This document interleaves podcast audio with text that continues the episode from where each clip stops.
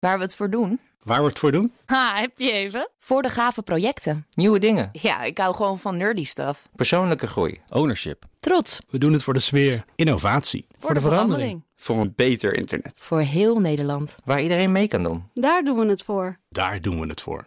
Waar doe jij het voor?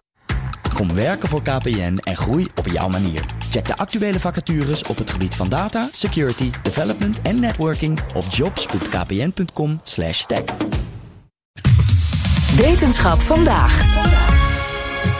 Mieren wisselen spuug met elkaar uit om zo de last van de stofwisseling over de kolonie te verdelen. Wat? Wetenschapsredacteur Carlijn Meinders, kom op nou. Is dit echt? Zeker is dit echt. Ik ga hier toch geen onzin lopen te vertellen.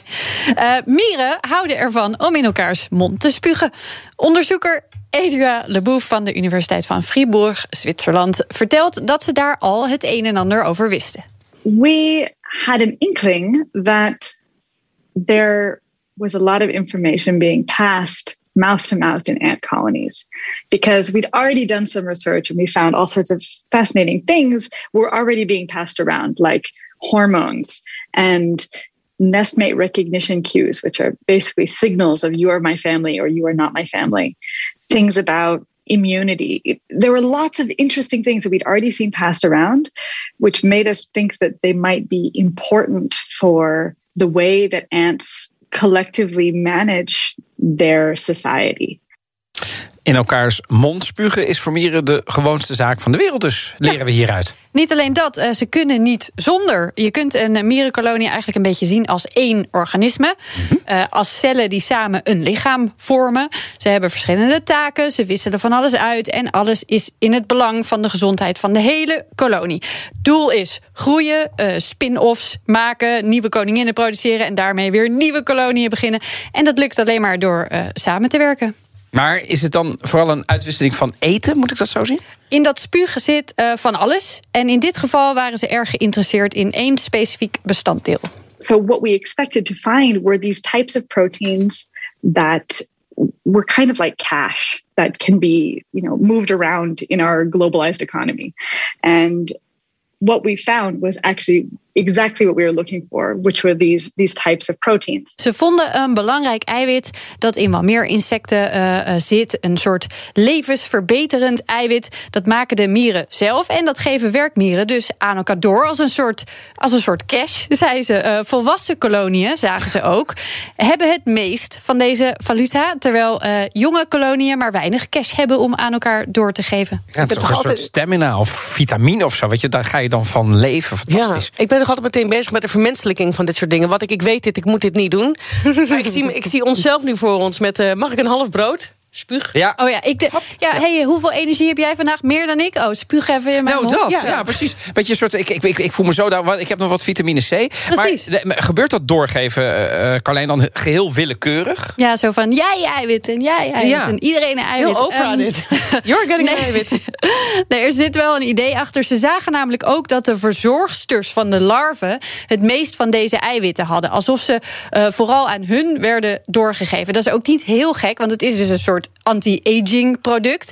En zij moeten zorgen dat de, Anti-aging. zodat de jongens groot en sterk worden. En dat is super zwaar werk. Perhaps they need more anti aging molecules there to protect them against that metabolic labor and those metabolic costs. Um, the other possibility is that the nurses are closer in the social network to the queen. And if the queen needs to live 30 years, how's she going to do it? One way is that the the rest of the colony could be producing these anti-aging proteins and they all just give them to the queen. Oké, maar lopen daar dan allemaal hele hongerige mieren rond... en één hele volgevreten, superfitte koningin? Nou ja, ja nou, eh, mieren hebben twee magen. Dat is misschien ook leuk om nog even te vertellen. ze, hebben, allemaal? ze hebben een sociale maag, geen grap. En eentje waar ze hun eigen eten in verteren. Hoe ze dat precies verdelen, dat weten ze nog niet. Eh, ze verdelen het wel over die magen. Maar alles draait natuurlijk om voortplanting. En geen voortplanting zonder gelukkige koningin. Dus ik denk niet dat er eh, mieren zitten te balen... dat ze weer hun stofjes weg moeten geven aan die mevrouw daarboven, zeg maar. Nee. Ik, ja, ik vind het toch, maar. eh, Die over die, ik ben van de ene verbazing in de andere hoor. Eh, Echt waar. Ehm, maar hebben ze ook ehm, bijvoorbeeld favori- favoriete collega-mieren waar ze hun spuug aan doorgeven? Nou, eh, mieren zouden daarin eigenlijk geen onderscheid horen te maken, kunnen maken. Ze hebben namelijk niet een soort gezichtsherkenning of Oh. zo. Ze ruiken wel eh, klassen. Zo van, oh, jij bent een werkmier. Oh, dit ruikt zeker weten naar de koningin. Eh, maar per individu en dan ook nog onthouden... als ze die de volgende keer weer zien, dat is onwaarschijnlijk. Ja. Maar daar willen ze nog wel eh, naar gaan kijken. Maar dat lijkt me toch niet te onderzoeken dan, toch? Jawel, eh, dat, dat traceren bijvoorbeeld van die stofjes die Ja. mieren aan elkaar doorgeven, dat kan al met fluoriserend pigment dat gevolgd kan worden. Oh. En ze werken aan een apparaat waarmee ze dit nog veel beter kunnen bekijken, tot in de larven zelfs. Dan zou je ook kunnen zien of er een soort favoriete larve op de kinderopvang is, zeg maar. Eh, ze willen ook nog kijken wat de ontvanger dan van die eiwitten er vervolgens mee doet. Waar komt die uiteindelijk nou terecht?